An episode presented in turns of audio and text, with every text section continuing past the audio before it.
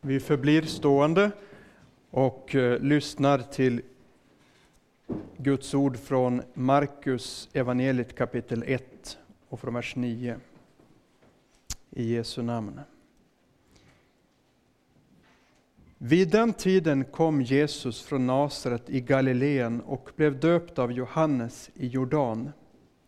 Genast när han steg upp ur vattnet såg han himlen dela sig och anden kom ner över honom som en duva. Och en röst kom från himlen. Du är min älskade son.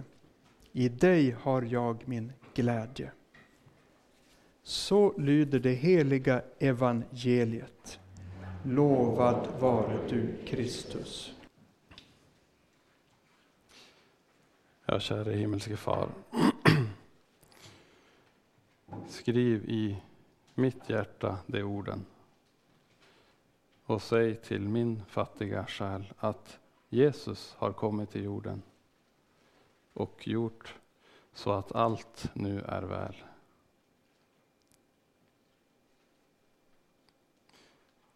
Ja, Herre, det ber vi om i ditt namn och för ditt namns skull. Amen.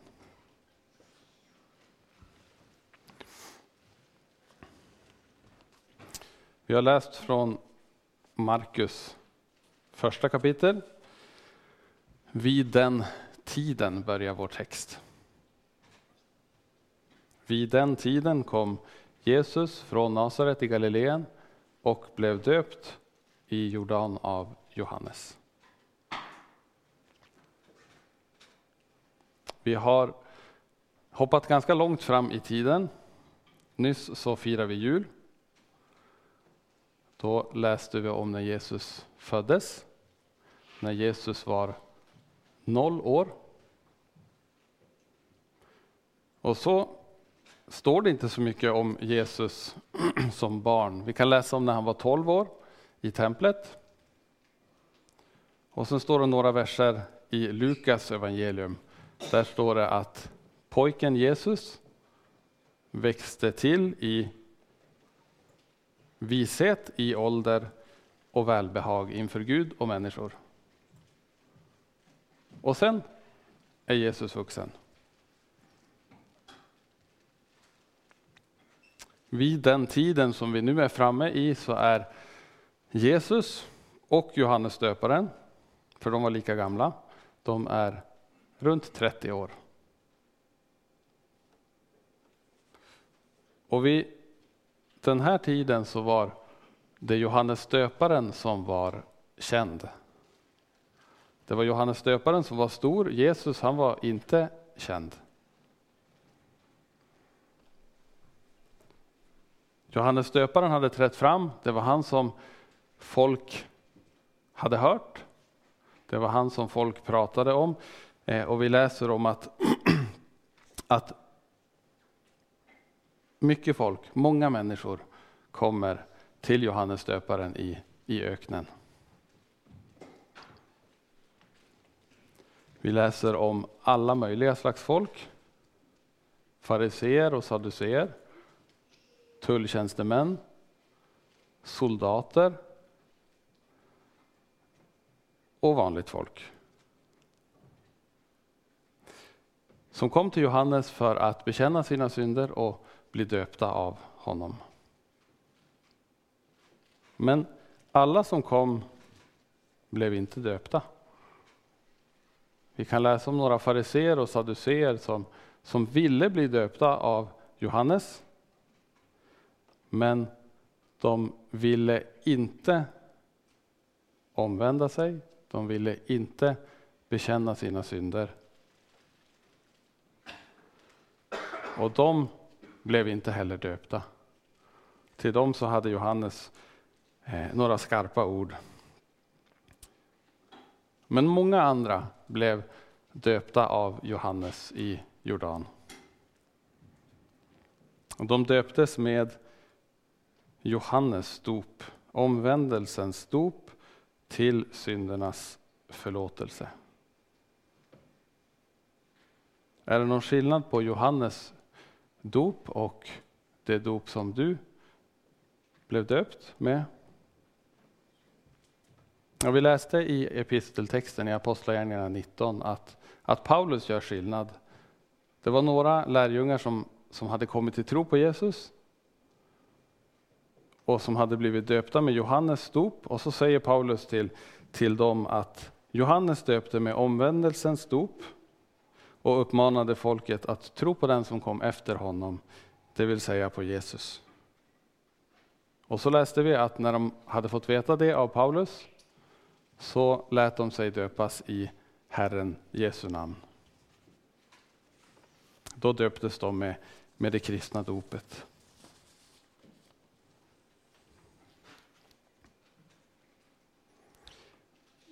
Vid den tiden kom Jesus från Nasaret i Galileen. Varför presenterar Markus Jesus som Jesus från Nasaret i Galileen? I början av sitt evangelium så säger han, här börjar evangeliet om Jesus Kristus, Guds son. Här skriver han, Jesus från Nasaret i Galileen. Jo, för att visa att här uppfylls skrifterna. Det som står i Gamla Testamentet. För där står det att om Jesus, om Messias, att han ska kallas Nazare. En som kom från Nasaret.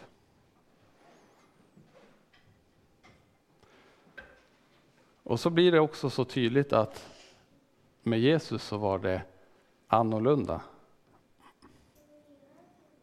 Där hos Johannes döparen så var det massa folk. Alla kom från samma håll. Vi läser att de kom från Jerusalem och Judeen med sina synder. Alla utom Jesus. Han kom från ett annat håll. Kanske hade en och annan av i folkskaran dragits med av strömmen, för alla, alla skulle ut till Johannes döparen. Men Jesus, han valde att gå dit. Han, den ende utan synd,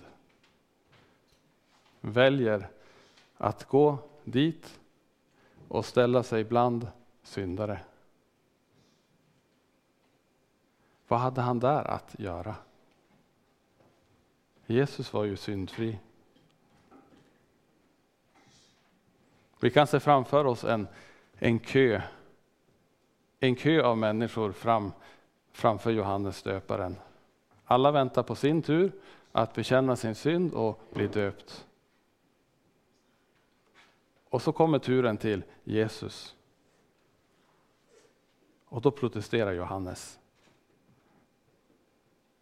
Vi, vi, vet inte hur mycket Johannes förstår av, av det hela, men han förstod tillräckligt för att protestera. Han säger, det är jag som behöver döpas av dig och du kommer till mig.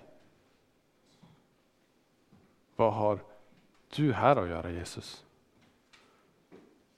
Men, står det, han låter det ske. Jesus blir döpt av Johannes i Jordan. Jesus den syndfrie blir döpt med syndares dop. Varför? Är det inte konstigt? Johannes tyckte att det var konstigt. Hade inte vi haft, haft facit, hade inte vi vetat mer så hade vi också tyckt att det var konstigt. Var Jesus på, på rätt plats? Vad hade Jesus att, att bekänna? Men vi vet att han var på rätt plats. Det var din kärlek som dig drev, vårt hopp du ville bliva. Vad hade Jesus att bekänna? Jo, Han bekände världens synd som sin. Där i Jordan så bekände Jesus dina synder, dina synder som sina. Och på Golgata så sonade han dem med sitt blod. Luther han skriver så här om, om Jesu dop. Jag har det inte ordagrant eh, tyvärr, men, men ungefär så här säger Luther. Med Jesus hände det motsatta av det som skedde med alla andra. De kom som syndare och reste sig upp förlåtna.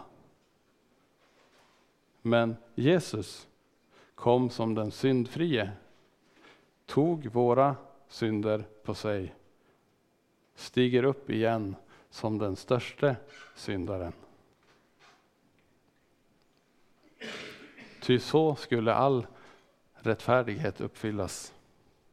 Han skulle bli gjord till synd för oss. Och så är det efter Jesu dop som Johannes pekar på Jesus och säger Se Guds lamm som borttager världens synd. Man kan säga att Jesu dop var, var början, var hans invigning till försoningsdöden.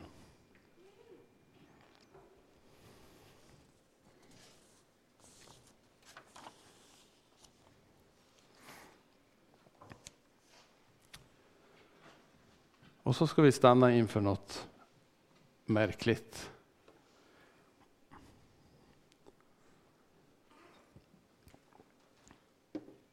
Vi har hört det många gånger och vi, vi ser det framför oss, Johannes som pekar på Jesus och säger, se Guds lam.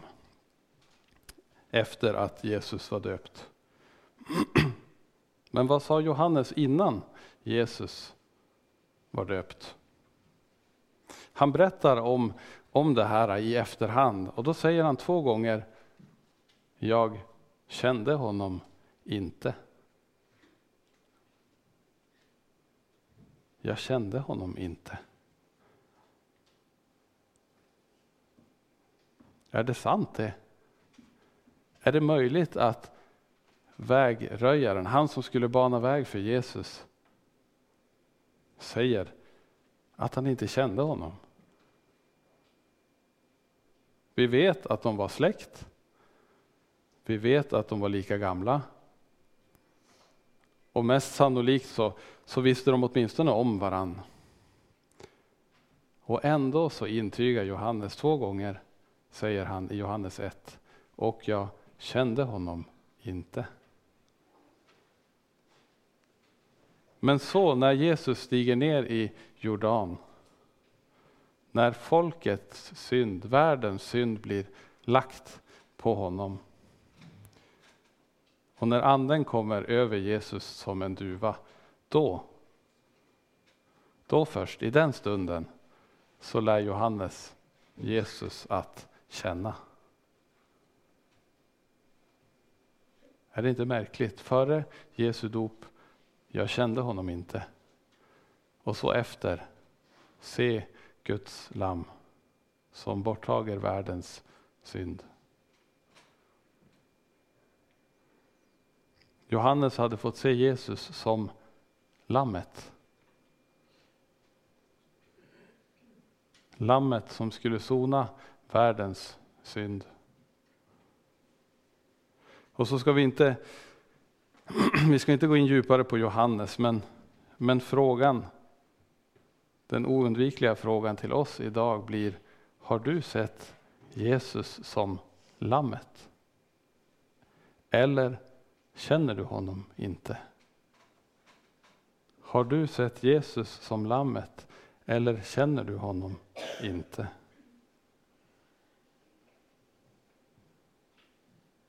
Johannes säger till några fariseer där vid Jordan, mitt ibland er står en som ni inte känner.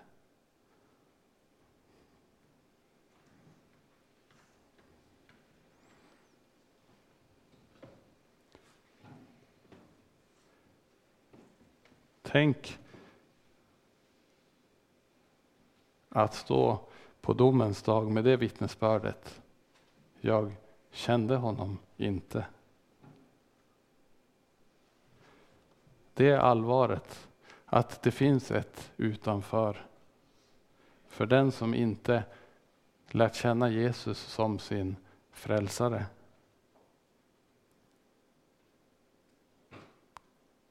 Behöver du stå utanför?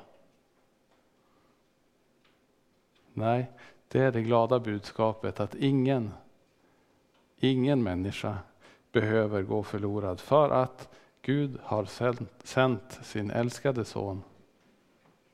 Han kom hit ner.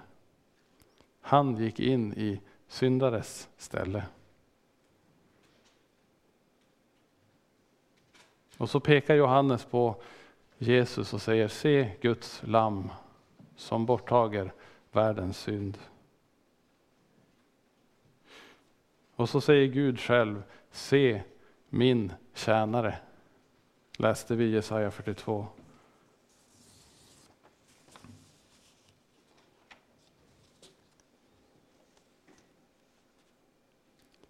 Och se. När Johannes har döpt Jesus så fortsätter både Matteus och Markus med, med orden och se. Nu lade jag märke till att det var eh, inte precis samma översättning i 2015 som är i 98.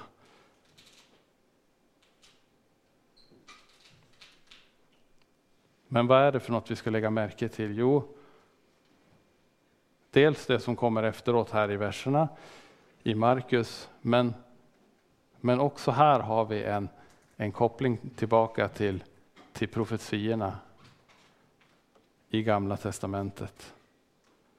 Det som står, det vi har läst i Jesaja 42, det låter ju precis som om det skulle kunna stå här i, i Markus. Se min tjänare som jag uppehåller, min utvalde, i vilken min själ har sin glädje. Jag har låtit min ande komma över honom.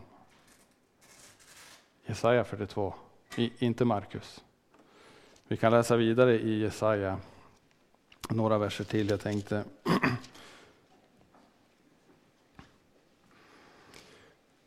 Sex och sju. Jesaja 42. Jag, Herren, har kallat dig i rättfärdighet. Och det är dig som i, inte som i du, men i Herrens tjänare, Jesus. Jag ska bevara dig och göra dig till ett förbund för folket. Till ett ljus för hedna folken. För att du ska öppna blinda ögon och föra fångar ut ur fängelset, ur fångenskapen de som sitter i mörker. Han skulle göras till ett förbund. Han skulle göras till ett ljus för hedna folken, det är oss. Hur då? Jo, genom att komma som tjänare. Det var som en tjänare han stod där i Jordans vatten. Han kom för att tjäna och ge sitt liv till lösen för många. Han kom för att ge sitt liv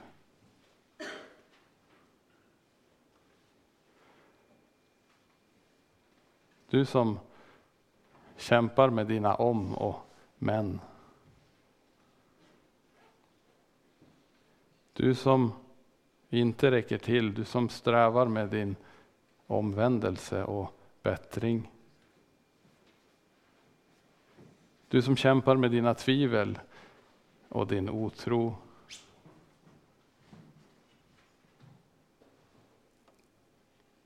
Och du kanske kämpar med att att bekänna din synd. Du bekänner och bekänner, men, men det tar ju aldrig slut. Din bekännelse blir aldrig färdig. Han kom för att ge sitt liv. Hans fullkomliga liv får du räkna som ditt. ditt liv, det ofullkomliga, det tog han på sig där i Jordan. Och vet att vad en gång han tagit på sig, det kastar han aldrig tillbaka på dig. Det är borta.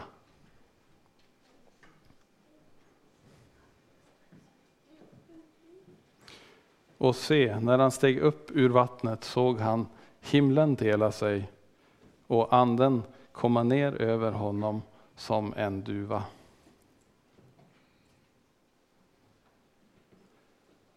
Himlen delar sig.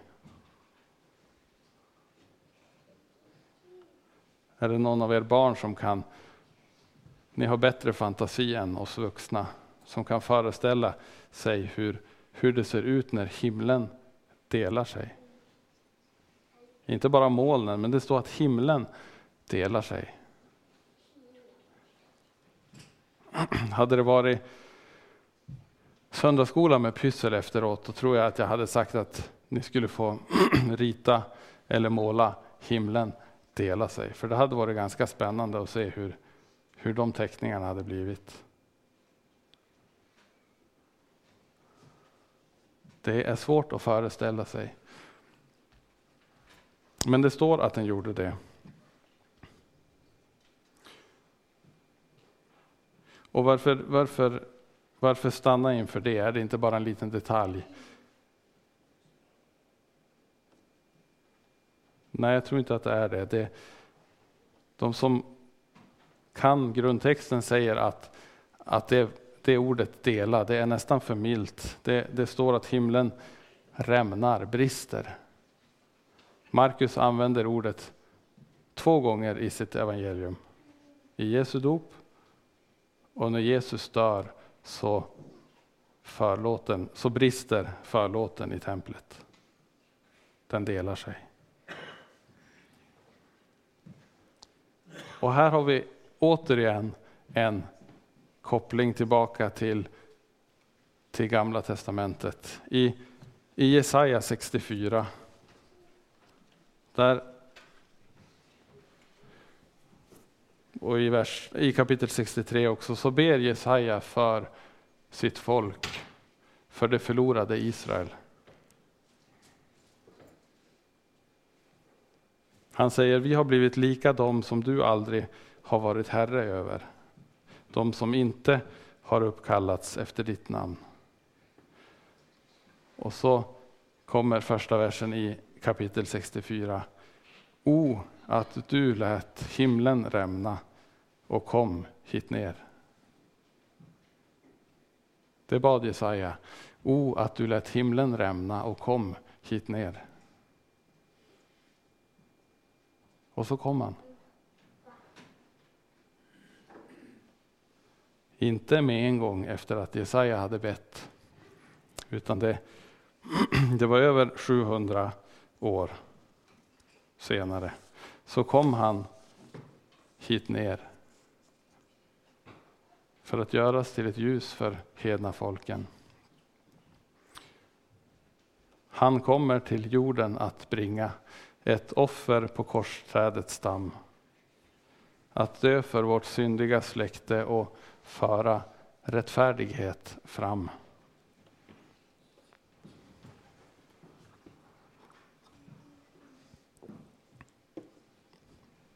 Och föra rättfärdighet fram. Vi läste också det i Jesaja 42. Han ska utbreda rätten bland hedna folken. Ett brutet strå ska han inte krossa, en tynande veke skall han inte släcka. Vad gör han istället? Jo, han utbreder sin rättfärdighet. I trofasthet mot sitt förbund så utbreder han rätten. Han ger av sin rättfärdighet till syndare.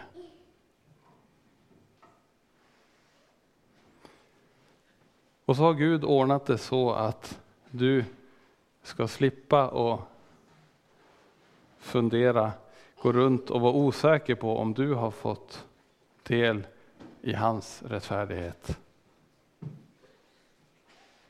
Du slipper fråga om du har del. Du kan istället fråga när. När fick du del i hans rättfärdighet? Jo, Jesus blev syndaren i sitt dop. Vad hände i ditt dop? Jo, då fick du del i hans fullkomliga, fullbordade verk. När du blev döpt så blev du klädd i frälsningens klädnad, svept in i rättfärdighetens mantel. Och det får du och jag hålla fast vid. Att du en gång av nåd blev upptagen till hans barn. Blev iklädd Kristus, blev ett med honom.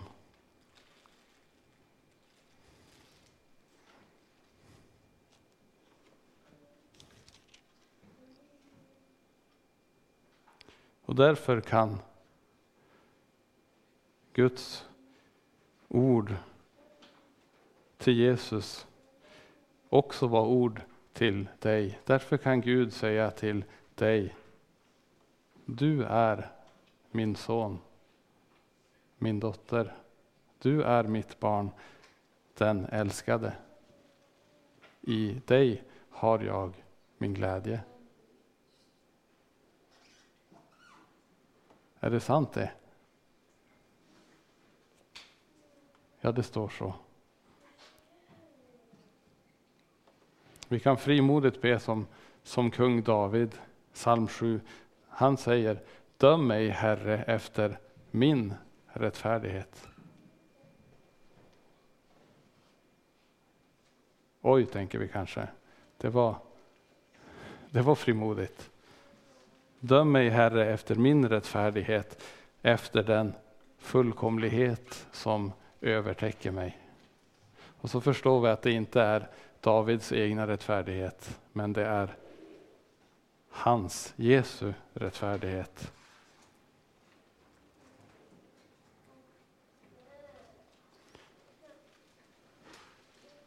För några av oss så var det ganska länge sedan vi döptes.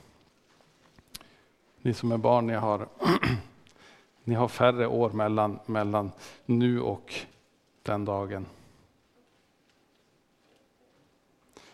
Och vad som har blivit av ditt liv mellan den dagen du döptes och idag, det vet inte jag. Kanske du inte vet det själv riktigt heller. Men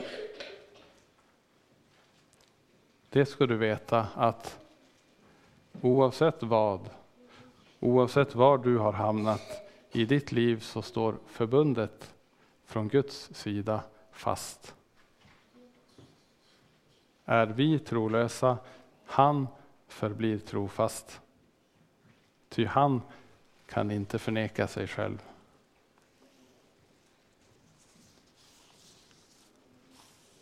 Du har en barnarätt. Du har en arvedel. Det går att dra sig bort.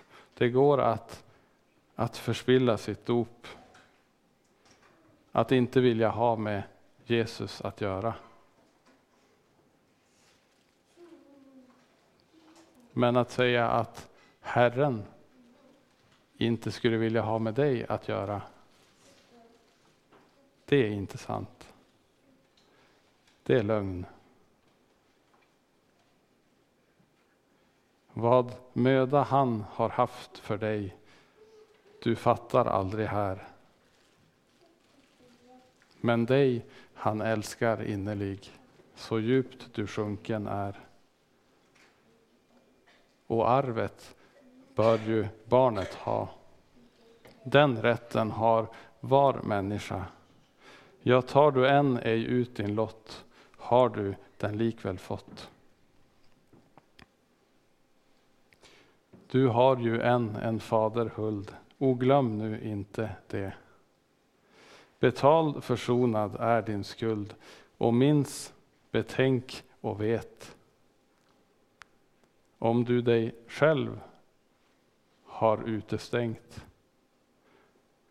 så har din fader aldrig tänkt att stänga för sitt barn, sin son. Ack nej, långt därifrån. Ty barnarätten hör dig till. Det slår dock aldrig fel. Den får du om du bara vill. Den är din arvedel. Amen.